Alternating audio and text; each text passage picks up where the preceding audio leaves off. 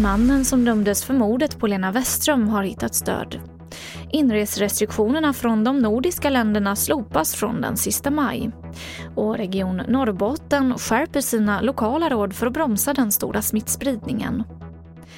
TV4-nyheterna börjar med att vi nyss fick in uppgifter att den 47-åriga Stefan Davidsson som idag dömdes till 18 års fängelse för mord på Lena Westström år 2018 har hittats död.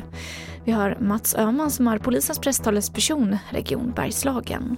11.18 inkom det ett samtal till polisen eh, som fick oss att eh, reagera och beordra personal. Jag går inte in på vad som sades i samtalet eh, till en plats på landsbygden i Örebro kommun. Mm.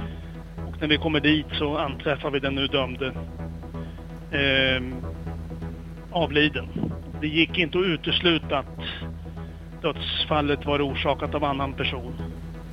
Och på platsen fanns endast en person och det var en man. Han greps på platsen, skäligen misstänkt för mord. Regeringen slopar inreserestriktionerna från de nordiska länderna från den sista maj. Och då skrotas också kravet på ett negativt covid-test för resande från Danmark, Finland, Norge och Island. Men de nordiska länderna har fortfarande inte fattat något sådant beslut för personer som reser från Sverige. Det här meddelade inrikesminister Mikael Damberg under en pressträff tidigare idag.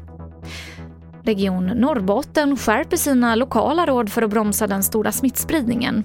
De som bor där uppmanas att bara träffa folk från sina egna hushåll och även jobba hemifrån och avstå onödiga resor.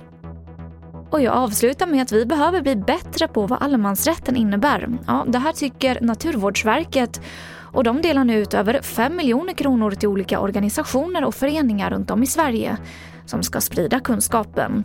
Och man hoppas med det här på att fler ska vara ute i naturen samtidigt som problem med skador och störningar minskar.